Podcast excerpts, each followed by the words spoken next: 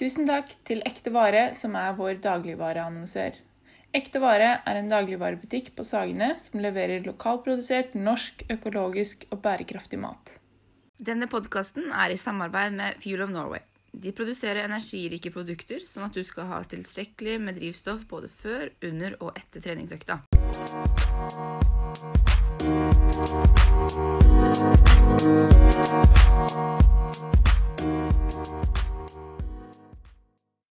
Hei, og velkommen til episode fire av Den kvinnelige utøveren.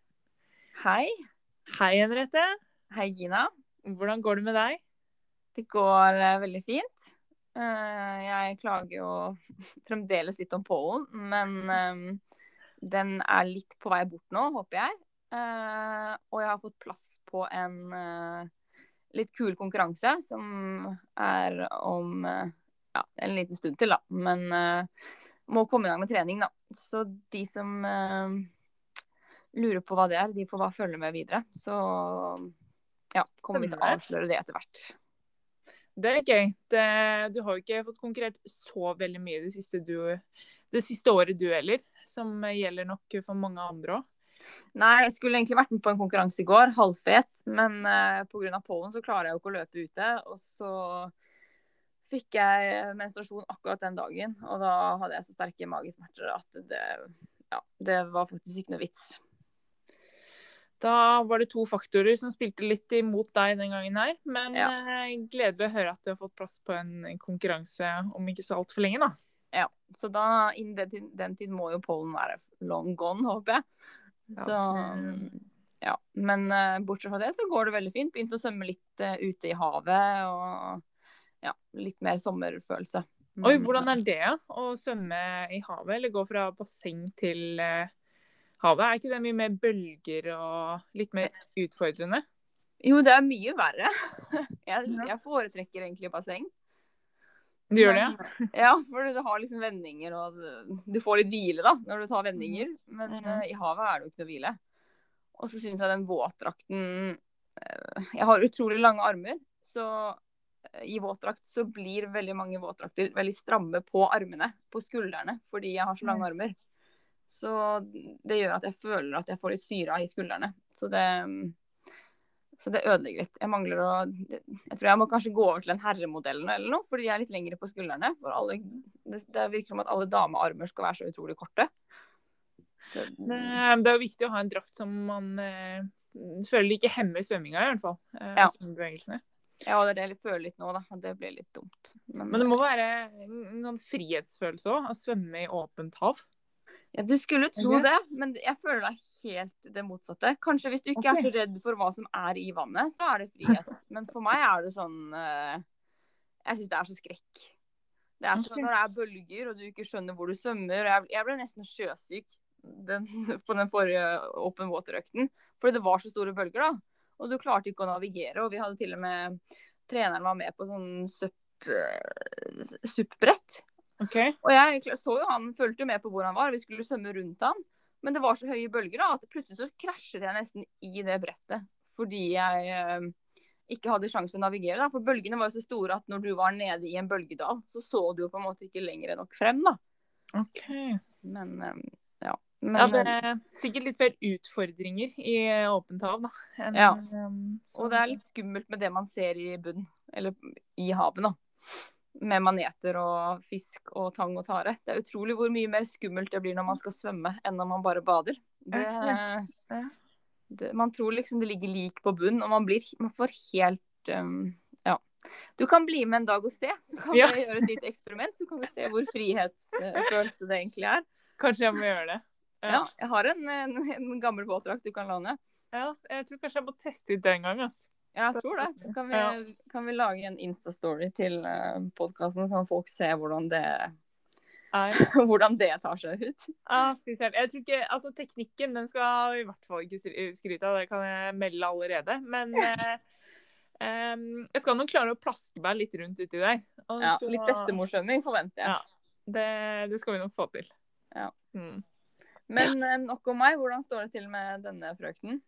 Jo, eh, nei, nå går det egentlig ganske bra. Eh, men jeg skal innrømme at de siste månedene har vært litt turbulent, opp og ned. Både fysisk og mentalt, egentlig. Det um, har vært Nå når jeg begynner å få ting litt på avstand, kroppen begynner å føles ganske bra igjen, så begynner jeg å skjønne at det har, det har vært mye opp og ned. Altså. Jeg har slitt en del med magesmerter som ikke har skjønt hvorfor det har kommet. vært veldig sånn diffuse magesmerter. Mm. Som har nok satt meg litt sånn ut av spill både fysisk og mentalt. Jeg har ikke fått trent det jeg har planlagt, det jeg har lyst til, eh, uten å få smerter. Og da blir jeg litt sånn irritert når jeg ikke får gjort det jeg har lyst til. Man blir litt gretten da. Blir litt gretten, rett og slett. Og bare litt sånn utafor. Og det å smerter og det gjør jo ikke at du ja, Du mister en del energi, da. Ja, du har jo ikke vært helt deg selv i det siste. Du har jo liksom uh, Du har ikke vært like lugn som du pleier å være. Nei, jeg har kanskje ikke det. Og så I tillegg så har det vært mye nytt som har skjedd. Både med masteren, oppstart på podden og uh, nytt team. Team Expans, som jeg skal være med på. Ja. Uh, det, og det er jo bare masse gøy som skjer, egentlig. Men jeg har nok eh, sikkert fått kjent litt på at det har vært mye på kort tid. Du har sikkert pusha kroppen litt mer enn og så er det lett å se det litt ettertid, da. At man tenker ja. liksom litt der og da at å ja, men det går fint, og jeg klarer å sjonglere det. Og så mm. oi, kanskje det var litt mye. Det, du har nok rett i det. Så nå når jeg har trent mindre en ganske god periode og har eh, bare gjort noen justeringer, fått eh, litt hjelp av lege, eh, så begynner jeg å føle at jeg begynner å mm, kjenne igjen kroppen min igjen. Komme på rett kjør. Så nå gleder jeg meg egentlig bare veldig til sommerferie, kjenner jeg. Og få reise til fjells, gå noen lange fjellturer. Bygge et godt grunnlag før den spesifikke treninga utover eh, høsten. Og ikke minst datainnsamling til høsten. Um, så det Jeg føler at nå nå begynner ting å spille litt på lag igjen, og jeg ser fram til uh, treninga og eh, poddinga fremover. Jeg har jo fått kjent litt på at uh, ting har vært litt uh, turbulent i det siste. Mye opp og ned. Men um, jeg så jo òg på Jeg fikk et veldig bra bilde på en presentasjon jeg så på her om dagen. At uh, når man trener mot et mål, så forventer man at man starter liksom på bunn. Og så går det en slak strek oppover mot målet. At man skal ha progresjon og utvikling og forbedre seg hele veien. Men i realiteten så er det vel ikke helt sånn. Da På bildet i hvert fall så viste, mm, viste figuren hvordan det gikk opp og ned, opp og ned flere ganger før man kommer til målet. Og forhåpentligvis så er man jo på topp da, da når man først kommer dit. Men eh, eh det er ikke alltid like lett å være helt i balanse hele tiden. Så livet, livet skjer, og det går opp og ned hele tiden. Men eh, jeg skal nok klare å skrape sammen en form og føle at jeg har fått lagt ned mye god trening når sesongen kommer. Det satser vi på at du klarer. Det får vi håpe. Man må skynde seg sakte, som de sier. Ja. det er bra. Men nå må vi dypdykke litt i dagens tema. Ja. Um, I forrige episode så gikk vi jo litt grundig gjennom hvordan menstruasjonssyklusen påvirker utholdenhetsprestasjon. Eh, og i dag tenkte vi å se litt mer på hvordan prevensjonsmidler påvirker utholdenhetsprestasjonen. Mm. Og gå litt dypere inn i hvordan du kan kartlegge syklusen din, uavhengig om du går på prevensjonsmidler eller ikke. Men først, eh, hvordan er det egentlig å forske på de som går på prevensjonsmidler? Det er jo så mange varianter av både midler og syklus, så dette er jo ikke, mildt sagt ikke så lett. Nei, det har du helt rett i. En ting er det å forske på menstruasjonssyklus i seg selv, og for de som ikke går på prevensjonsmiddel.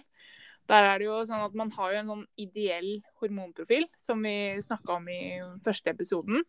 Om hvordan hormonene skal svinge i løpet av en syklus. Men så er det igjen veldig mange som ikke har den hormonprofilen. At man f.eks. plutselig i en fase bare ikke har eggløsning.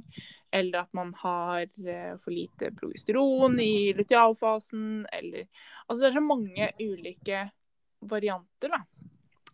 Så eh, det er ikke lett å forske på menstruasjons menstruasjonssyklusen. Men det er i hvert fall ikke lett å forske på prevensjonsmiddel. Nei. Der eh, har man igjen så utrolig mange forskjellige typer prevensjonsmiddel. Eh, og så har man forskjellige typer merke, og så er det forskjellig hormondose i prevensjonsmidlene. Så mm, nei, det er ikke så lett. Det er ikke det. Nei, og så har man jo ulike typer kvinner med ulike typer sykluser og utgangs, hvilket utgangspunkt man har i hormonprofilene før man går på prevensjonsmidler. Det vil jo også påvirke de ulike tingene. Du vil jo f.eks. Mhm. respondere kanskje helt ulikt på det samme preparatet hvis jeg hadde tatt det. Og, ja, så det er jo veldig vanskelig å dra konklusjoner, da, uansett, på en måte. Ja, det er veldig, også er det veldig individuelt hvordan eh, man responderer liksom, på de ulike prevensjonsmidlene. For en person så funker det veldig bra å gå på spiral, men eh, for en annen så funker ikke det i det hele tatt. Man føler seg ikke bra, men kanskje et kombinasjonspreparat, f.eks. p-piller, kan funke. da. Så det er veldig mm, veldig ja, vanskelig å forske på, egentlig. Eller å finne ut hva som funker for seg òg, for så vidt. Man må kanskje prøve seg fram, prøve en rekke ulike typer før man finner det man trives med. Ja, for det har jo ikke vært så veldig mange studier akkurat på hvordan prevensjonsmidler har påvirket utholdenhet heller. Nei, det har ikke det. Men det er noen som vi skal snakke litt om nå. Det er jo sånn at eh, av den forskningen som er gjort, så er det flere som har forska på p-piller. Fordi p-piller er jo det som blir mest eh, brukt blant eh, idrettsutøvere. Eh, I Norge for eksempel, så er det blant de som går på prevensjonsmiddel, så er det ca. 42% av idrettsutøverne som bruker p-piller som prevensjon. Og det er nylig gjort en review. Altså det er en artikkel basert på mange forskningsartikler, mange studier, som ser på hvordan p-piller påvirker prestasjon. Og da har de sett på både styrke og utholdenhetsprestasjon.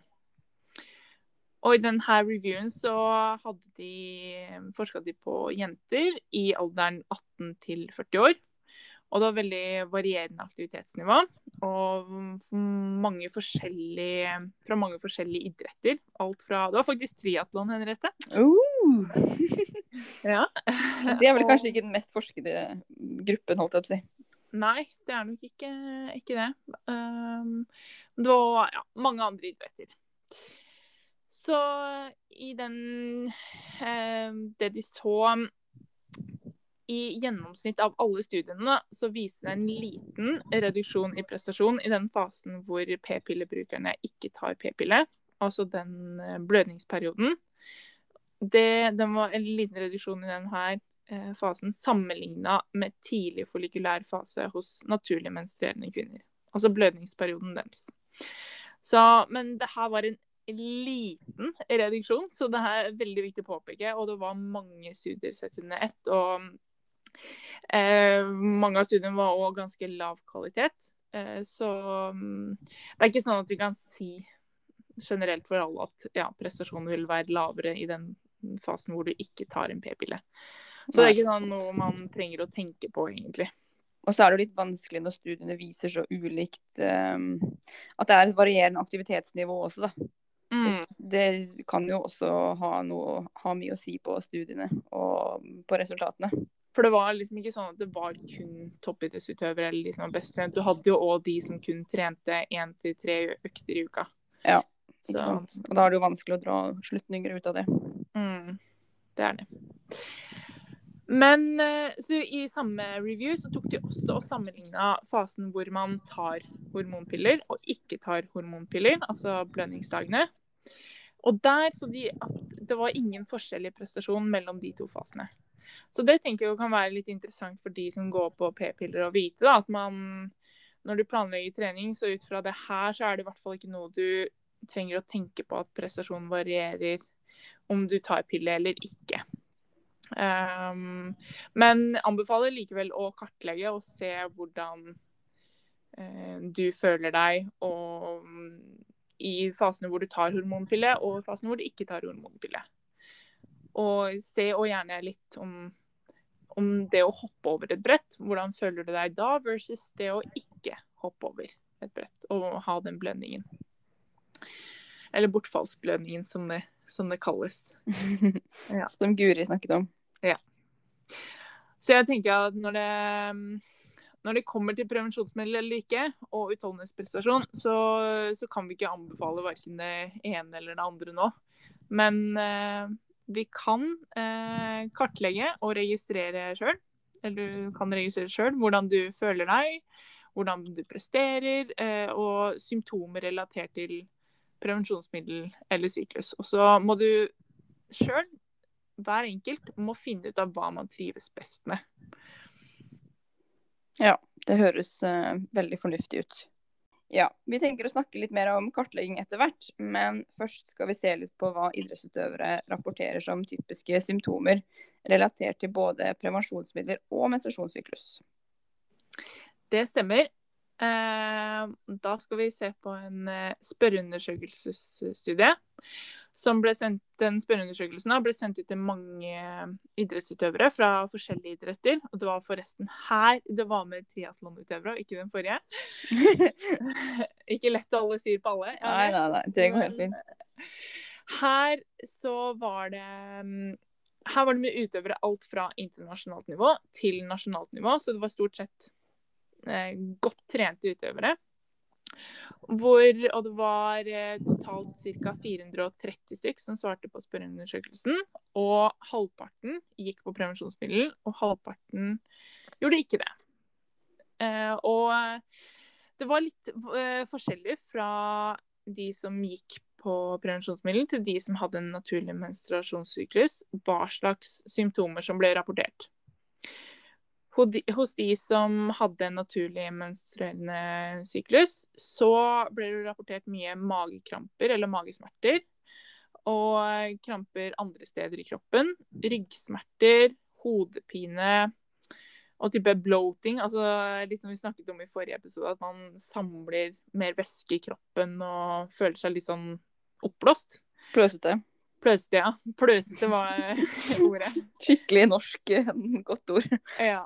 Eh, det var de mest vanlige symptomene som ble rapportert hos eh, de som ikke gikk på prevensjonsmiddel. Mens hos de som gikk på prevensjonsmiddel, så av negative symptomer så ble det rapportert vektøkning, uregelmessige perioder, dårlig hud, migrene, såre bryster eller um, konstante blødninger eller småblødninger. Mens positive symptomer var mer regelmessige menstruasjoner, færre menstruasjoner, mindre blødninger, bedre hud, redusert forekomst av ryggsmerter og uspesifikke smerter. Så Ja, ikke sant. De, det var litt sånn Oi, her er det jo Det er de samme symptomene som går igjen på både negative og positive, egentlig. Ja. Men sånn er det jo eh. ganske mye i legemiddel industrien, føler jeg. da. Sånn Hvis du mhm. skal begynne på et eller annet medisin for, for et eller annet, f.eks. For, for allergimedisin, da, så er det jo ofte liksom Du kan føle deg slapp, du kan føle deg Det er liksom de, det er ofte de samme symptomene som du allerede har, er på en måte potensielle bivirkninger, da. Mm. Så det er jo litt sånn gambling. Man må liksom bare finne ut OK, hva er det man faktisk hvilke symptomer er det man kan leve med, og som mm. ikke er så store, eh, og som gir mindre eh, man syns er mindre plagsomme selv. Da. Noen syns f.eks. det med dårlig hud altså det Man tenker jo ikke over det. Mens andre vil kanskje synes det er veldig ubehagelig mm. å ha det. Så man må finne ut det man trives best med. Og så igjen så er det jo veldig forskjellig hva slags hva slags bivirkninger man får ut fra hvilket prevensjonsmiddel man går på. Så selv om det ene prevensjonsmiddelet, prevensjonsmiddelet gir både migrene og dårlig hud og såre bryster, så er det ikke sikkert at et annet et gjør det, hvis du prøver noe annet. Nei, helt klart. Det er jo veldig individuelt hvordan man responderer på de ulike. Mm, det er det.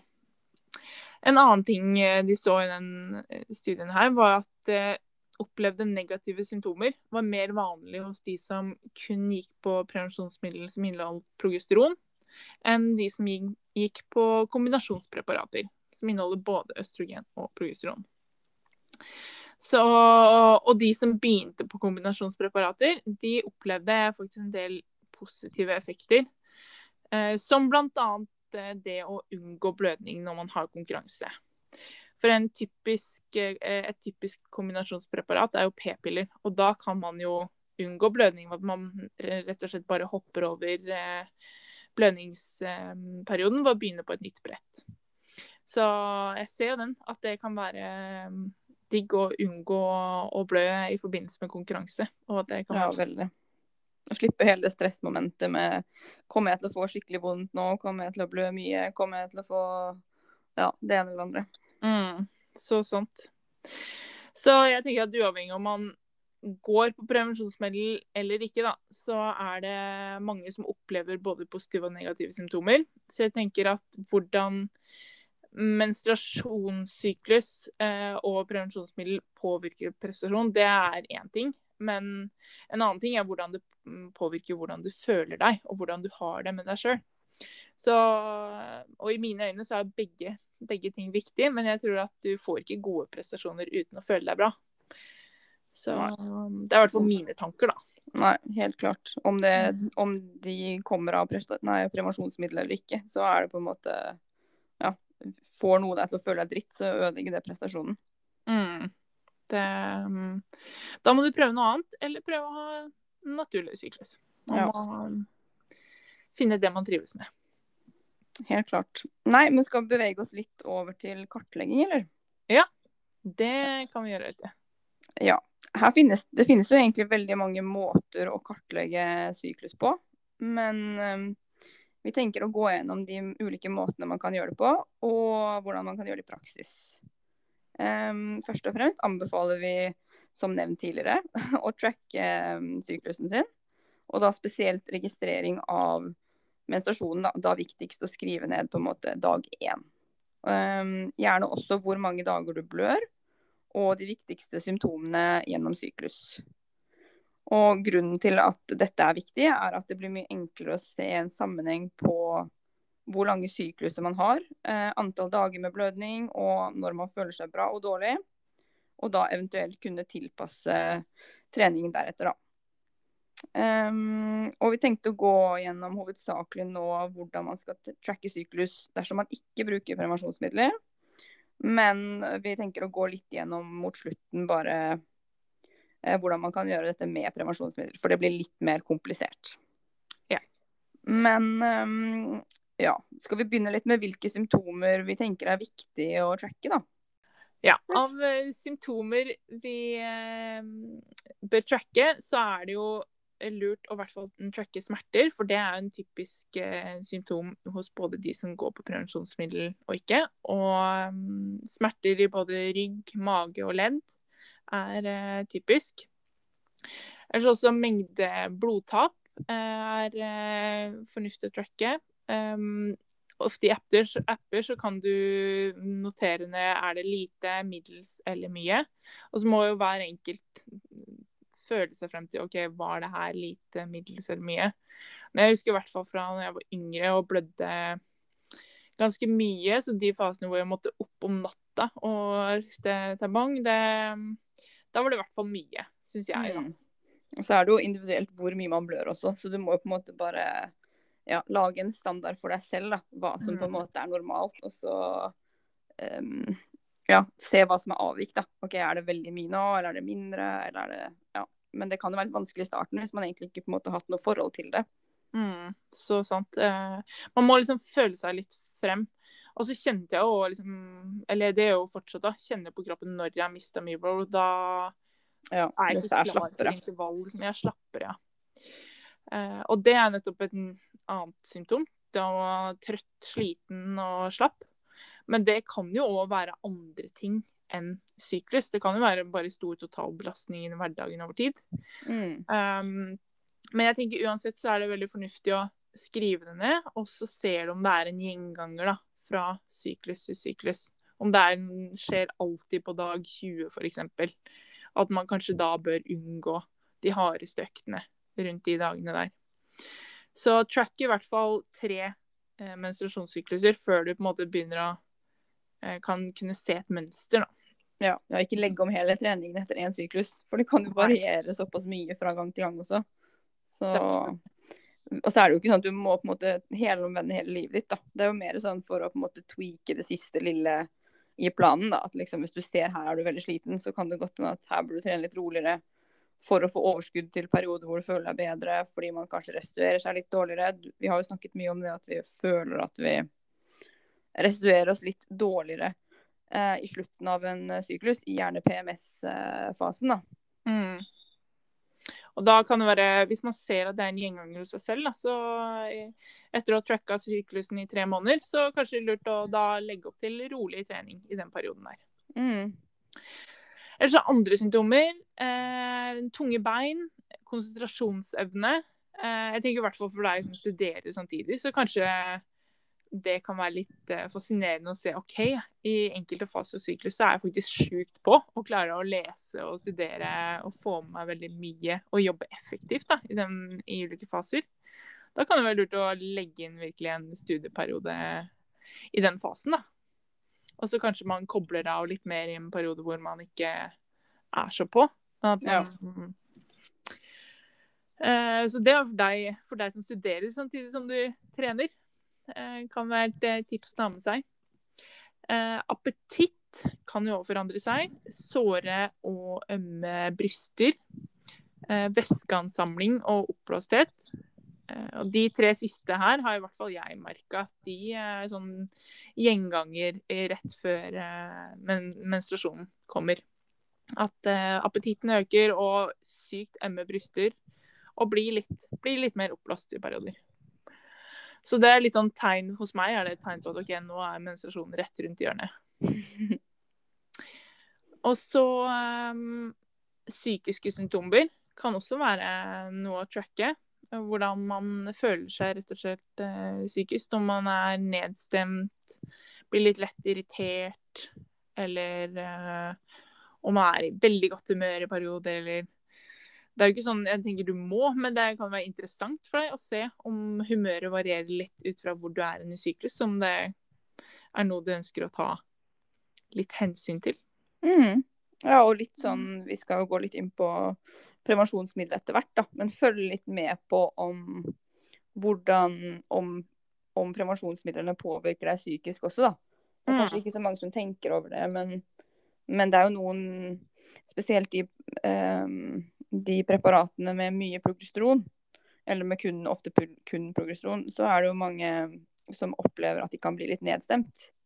Og da kan det være fint å på en måte eh, legge litt merke til det. da, Og om man merker at man blir veldig nedstemt, så kan det hende at det er noe annet som kan være bedre for deg. da.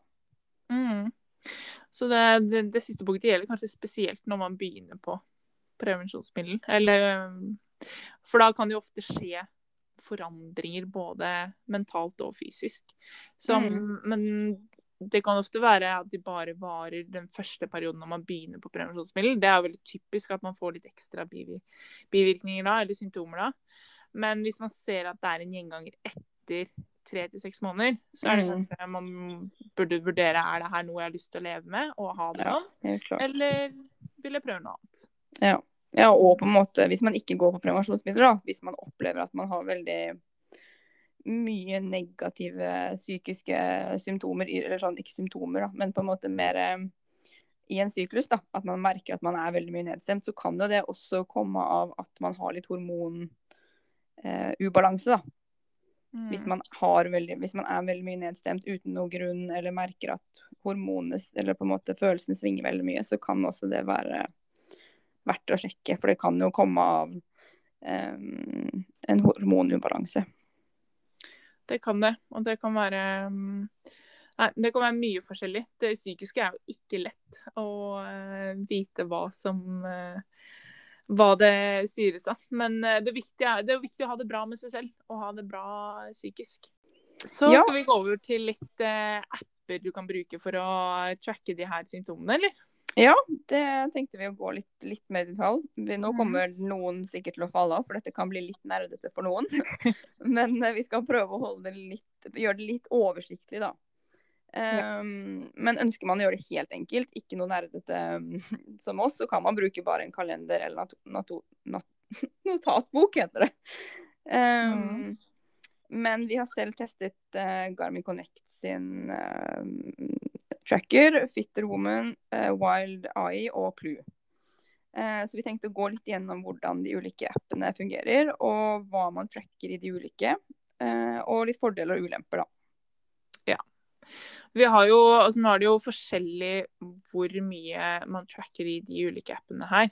Så um, jeg tenker at du kan få her Vi går gjennom alle sammen, så kan du få tips til hva du Hvor mye du har lyst til å tracke, og da ut fra det kunne velge deg en av de appene her, da. Mm.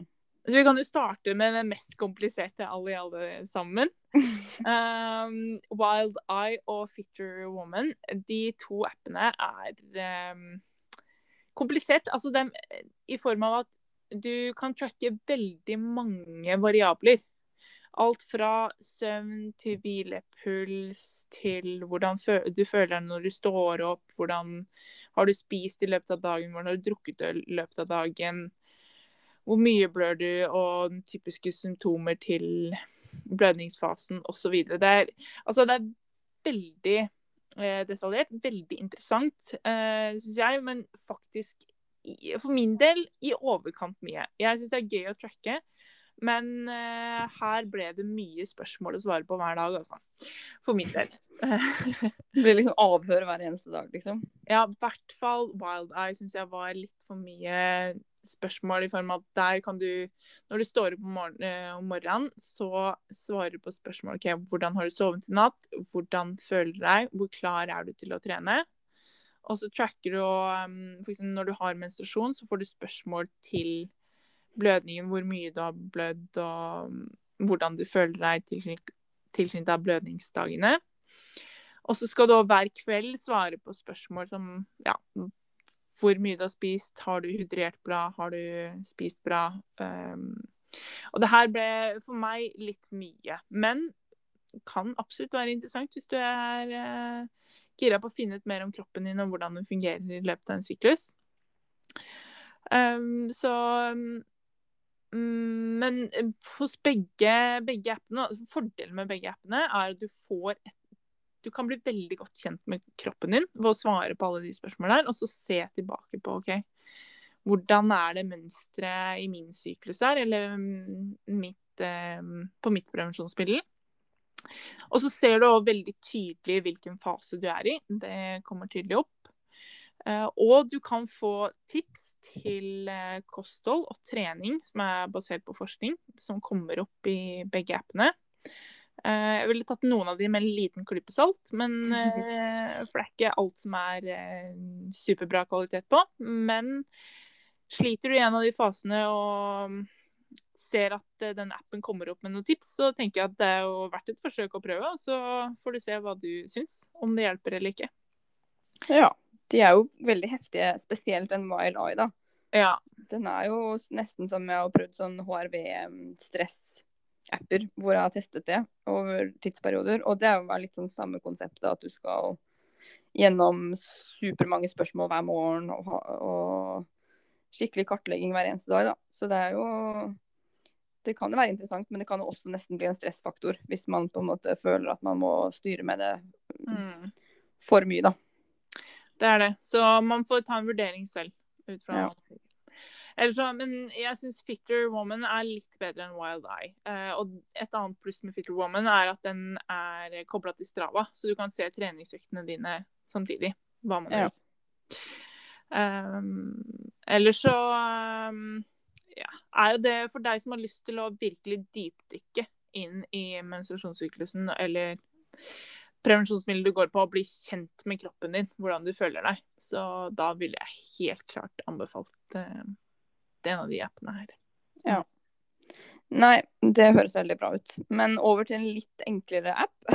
Det er um, Garmin Connect. Det har jeg ikke brukt sånn slavisk, men, men testet, eller har den litt sånn i bakhodet. Um, og det er en bare sånn tilleggsfeature på helsestatus eller helseinformasjon på Garmin Connect. Um, så alle som har en Garmin pulsklokke eller lignende uh, kan bruke det. Eh, da det kommer opp på en måte sammen med treningen din. da. Uh, og den tracker uh, mye av det samme som Wild Eye, men på en mye enklere, uh, enklere måte. Det er mye mer bare sånn Nå er det menstruasjon. Hvor lang Den estimerer ca. når det kommer en ny syklus ut fra når du har lagt inn de forrige. Og estimerer på en måte når du har eggløsning og sånne ting, da. Og så er det ganske enkelt oppsett for symptomer. Den viser på en måte forslag til symptomer, og du kan trykke inn kvalm, oppblåst, magesmerter, irritabel osv. osv.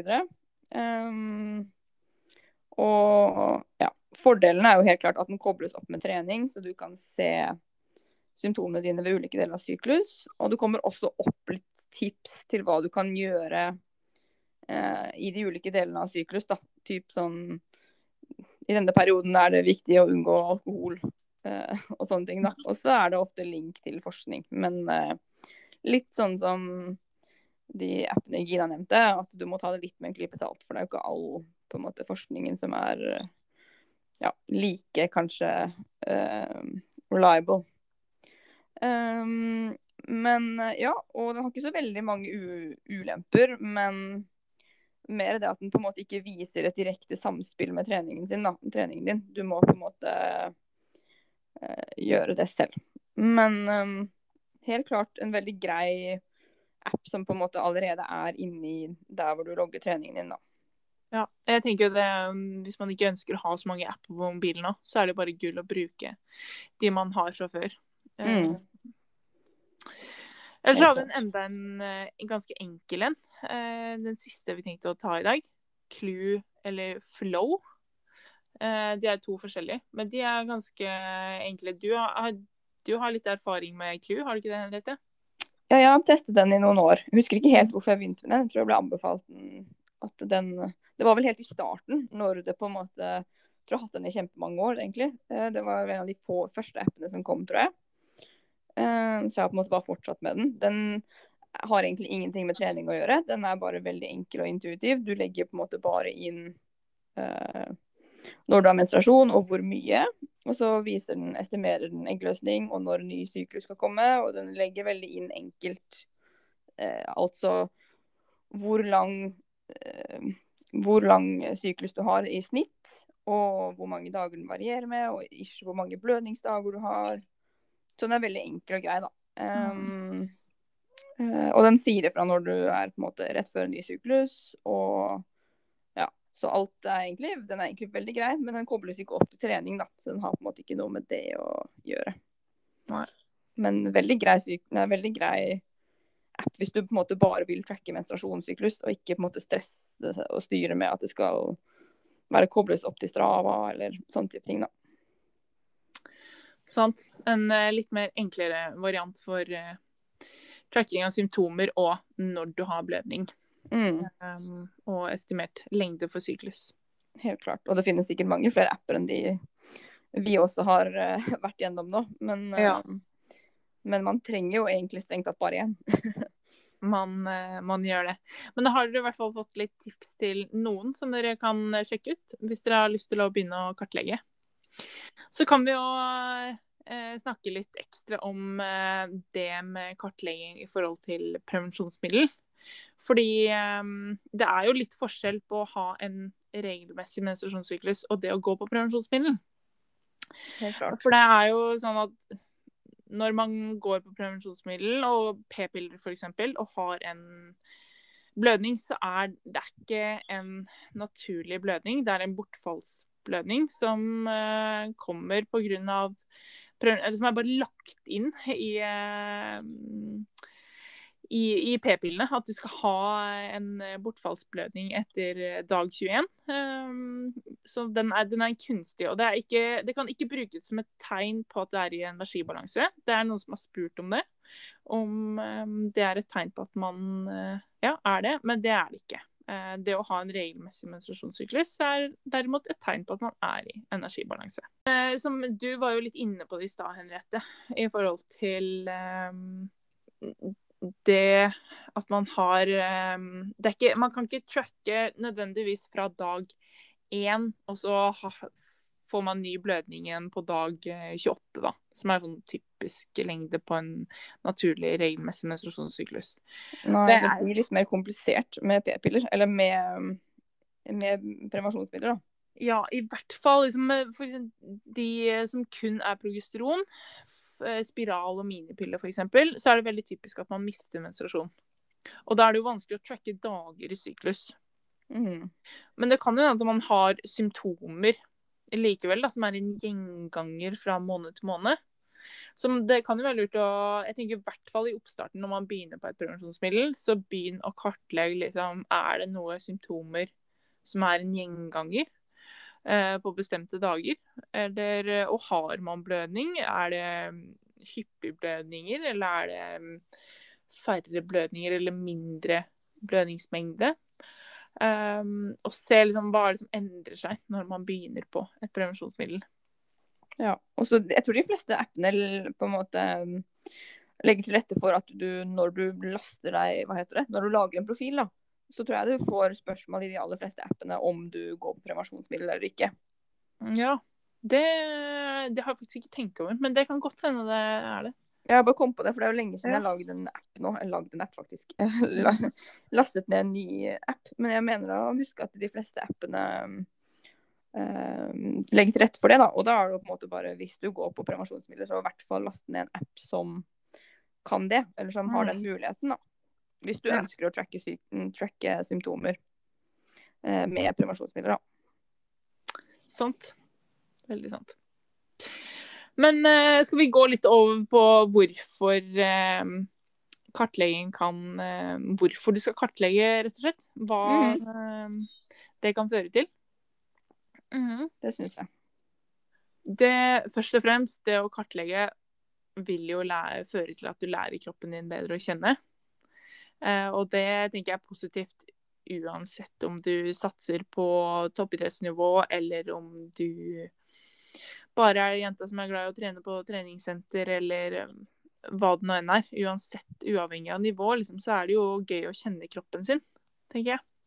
Og kunne tilrettelegge litt ut fra hvordan man føler seg i de ulike fasene. Både i hverdagen og sosialt og trening. Um, og ikke minst det at det kan bidra til at hvis du har en trener, så kan han forstå mer hvordan kroppen din fungerer, og hvordan du føler deg. Og det er jo viktig for at trener-utøver-forholdet skal bli bra. Så er det viktig at uh, treneren din skjønner hvordan du hvordan kroppen din fungerer, da. Mm. Ja, spesielt hvis du er mannlig trener. At du på en måte er tør å være litt åpen om det. da. Jeg vet jo at det er mange som, spesielt kanskje litt yngre utøvere, som syns det er kleint å nevne for sin mannlige trener. At det er lettere å ha kvinnelig trener på det området, fordi de vet jo hvordan det er selv.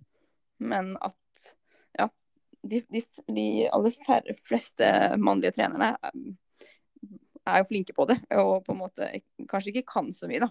Men jeg, jeg, jeg, forventer jo at eh, de fleste mannlige trenere skal på en måte i hvert fall komme med åpne komme med åpne hva heter det, et åpent synspunkt når, eh, når utøvere kommer og forteller om det. da. Mm, helt enig. Og så tenker jeg det som eh, trener òg, uavhengig om det er mann eller kvinne, så og, du har jenter-utøvere, eh, så be de tracke syklusen sin. Gjør det i tre måneder, og så se om det er noen sånn gjenganger i hvordan de føler seg, eller symptomer da, som kan være lurt å ta hensyn til i treningsarbeidet når man planlegger treninga. For jeg tror du kan få mer ut av eh, treningsplanen da. Mm, eh, og det er jo eh, Ja, for hvis det er en gjenganger hvordan man føler seg, da, eh, så kan eh, det er det jo jenter, jenter, har jo ofte en gjenganger i hvordan de føler seg. Mens mm. at det varierer litt fra, i, i, ulike faser av syklus. Mens gutta de er kanskje mer sånn plain. Så de kan ha um, en treningsplan og ikke ta hensyn til syklus, men bare liksom trene ut fra hvordan de føler seg og parisere OK, nå tar vi hardt den perioden, og så blir det rolig etterpå. Mens for jenter så kan det være litt sånn at man ikke bare kan trene hardt, og så er det rolig etterpå, og så skal man forvente at man føler seg bra etterpå. Mm. Det kan faktisk være sånn at etter den rolige perioden, så Tenk hvis man har hatt menstruasjon i den fasen da, og har bare følt seg dritt og mista masse blod. Så er det ikke sikkert man er klar til å trene mye en uke etterpå. Nei.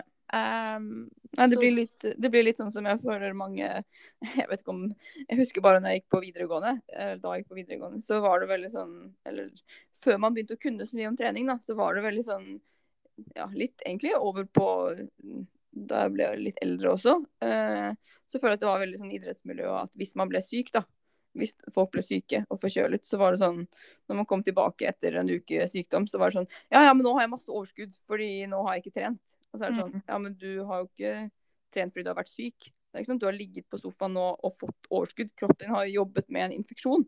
mm, Og det blir litt sånn på samme måte, da, at det er en inflammasjon når man har menstruasjon.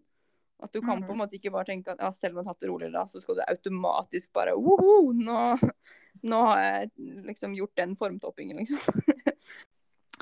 Så i hvert fall track syklusen og snakk med en trener om det, tenker jeg. I hvert fall hvis du merker at det er noe som påvirker hvordan du føler deg.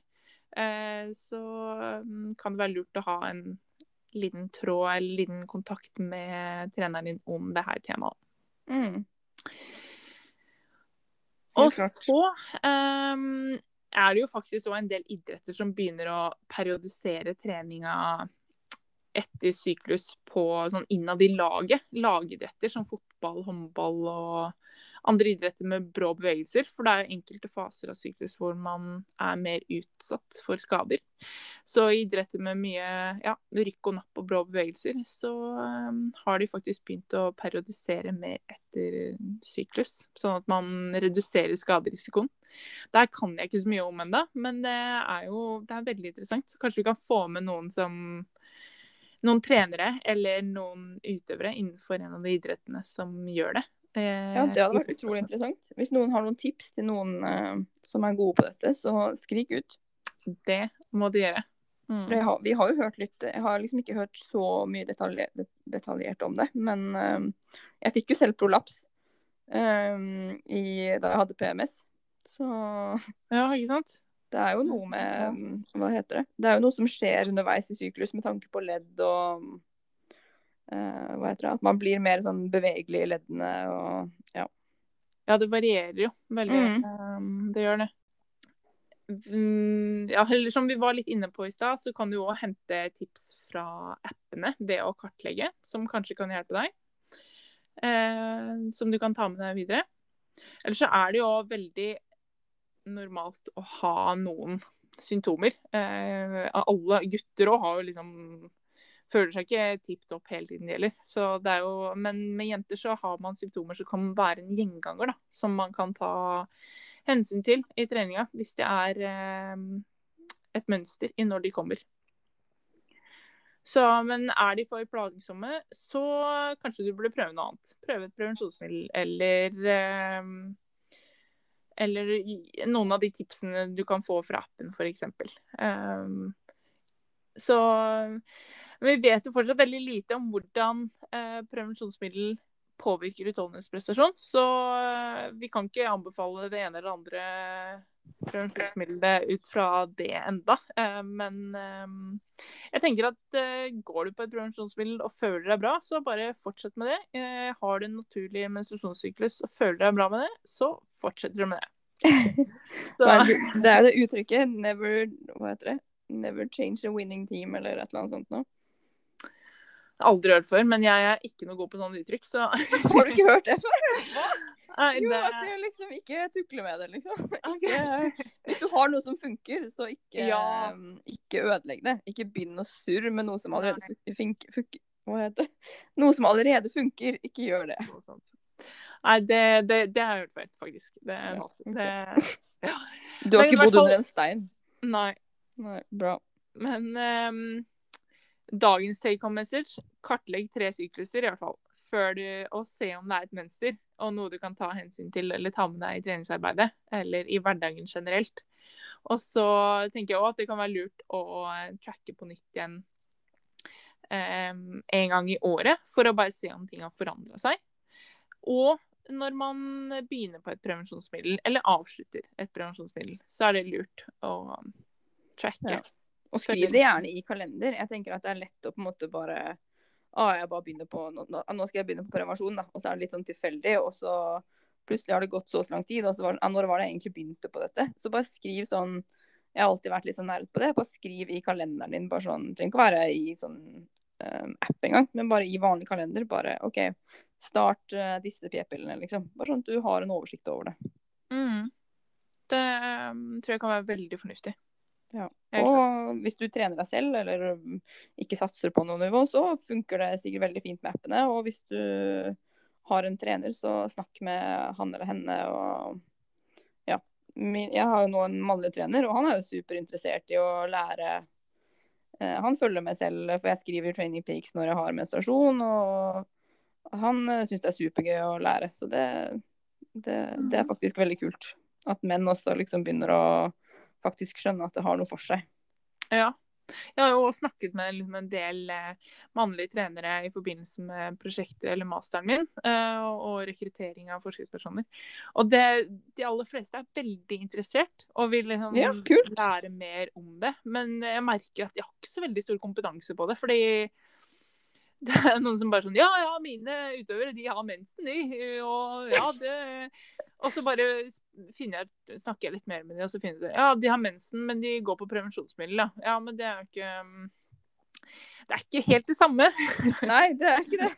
Så um, Nei, og jeg skjønner at mannlige trenere kan bli forvirra også. At liksom, det er vanskelig å styre med OK, hvis man, hvis man først klarer som trener å lære seg noen symptomer da, på en naturlig menstruasjonssyklus, og så skal du på en måte i tillegg ta hensyn til de som går på prevensjon. og så, Jeg skjønner at det er forvirrende. Jeg respekterer det 100% Og så er det liksom ikke noe standard for jenter. Det varierer jo fra jente til jente, liksom. Mm, det er vel derfor vi er så kompliserte og vanskelig å ha med å gjøre, da. mm, det er helt akkurat derfor. Nei. Men, men, vi er jo litt interessante for det, da. Syns jeg i hvert fall. Ja, ja, ja. Helt klart. det, er, det er kanskje det som gjør oss ekstra interessante. At vi er så forskjellige der. Da. Bare ekstra vanskelig å forske på bare ekstra vanskelig å forske på. Ja. Det, det er vi. Men vi prøver jo så godt vi kan å prøve å finne ut litt mer om den kvinnekroppen nå. Ja. Det er work in progress. Work in progress. Så sant. Men um, takk for uh, denne podden, da, Henriette. Og jo, takk for at dere lyttet. Det er Veldig hyggelig. Gi oss gjerne tilbakemelding. Kom med spørsmål hvis det er noe du lurer på eller tema du ønsker vi skal ta opp. Nå fremover så kommer det til å bli med flere gjester. Eh, vi skal eh, ha med flere kvinnelige idrettsutøvere og fokusere på kvinnelige idrettsutøvere som har holdt på med utholdenhetsidrett eller driver med utholdenhetsidrett. Så det, det blir veldig spennende. Vi burde jo nesten avsløre hvem neste episode skal være med, sånn at folk kan begynne å stille litt spørsmål, kanskje. Ja, det kan vi gjøre. Eh, det blir Ida Bergsløkken. Hun er superrask. Jeg tror ikke noen av oss skal prøve å mm, løpe intervall med henne med det første. Nei, hun eh. har liksom jeg, Når jeg er ute og løper eh, her rundt eh, Grefsenkollen som jeg bor, da, spesielt i flatt terreng og på asfalt og sånn, så er det sånn Jeg går ofte inn og sjekker segmenter etter økta. Jeg syns det er litt gøy. Mm, ja, på Strava. På Strava, ja. Og da er liksom øverst nummer én Ida Bergsløken. Ida Bergsløken. Overalt. Så hun kan å løpe. Hun er i form, den dama der. Ja, fy søren. Det, det, er gøy når man snakker med henne. Bare, nå er ikke formen så bra. Nei, nå, hun, hun, klager hun sliter jo også mye med pollen. Ja. Men hun um, Det går ikke så sakte. Nei. Selv om pollen. Så det er sånn Ja. Nei, hun har jo løpt halvmaraton på 1,14 eller sånt nå. Vi er vel et lite stykke bak, uh, bak der, har vi ikke det? Ja, det, Jeg har aldri løpt halvmaraton, så jeg aner ikke hvor jeg er. Men jeg er nok Nei. bak det, ja. Det er jeg. Ja, men da, da, kan du bare si at du hadde slått det, da. Siden du ikke har ja, løpt det før. Bare, ja, det er nok oppi der du ligger også, er det ikke det? Ja, rundt der, ja. ja. ja sånn ish. Nei, og hun er jo helt rå på um, idrettsernæring, uh, og jobber mye for uh, skiskytterlandslaget uh, og det britiske um, skilandslaget. Så hvis dere har noen spørsmål til um, idrettsernæring, så send oss gjerne en melding på Instagram så skal vi prøve å få rasket ut litt informasjon av henne. Det skal vi gjøre, vet du. Ja, men da får dere ha det bra, alle lyttere. Og så snakkes vi igjen om 14 dager. Det gjør vi. Ha det godt. Ha det bra.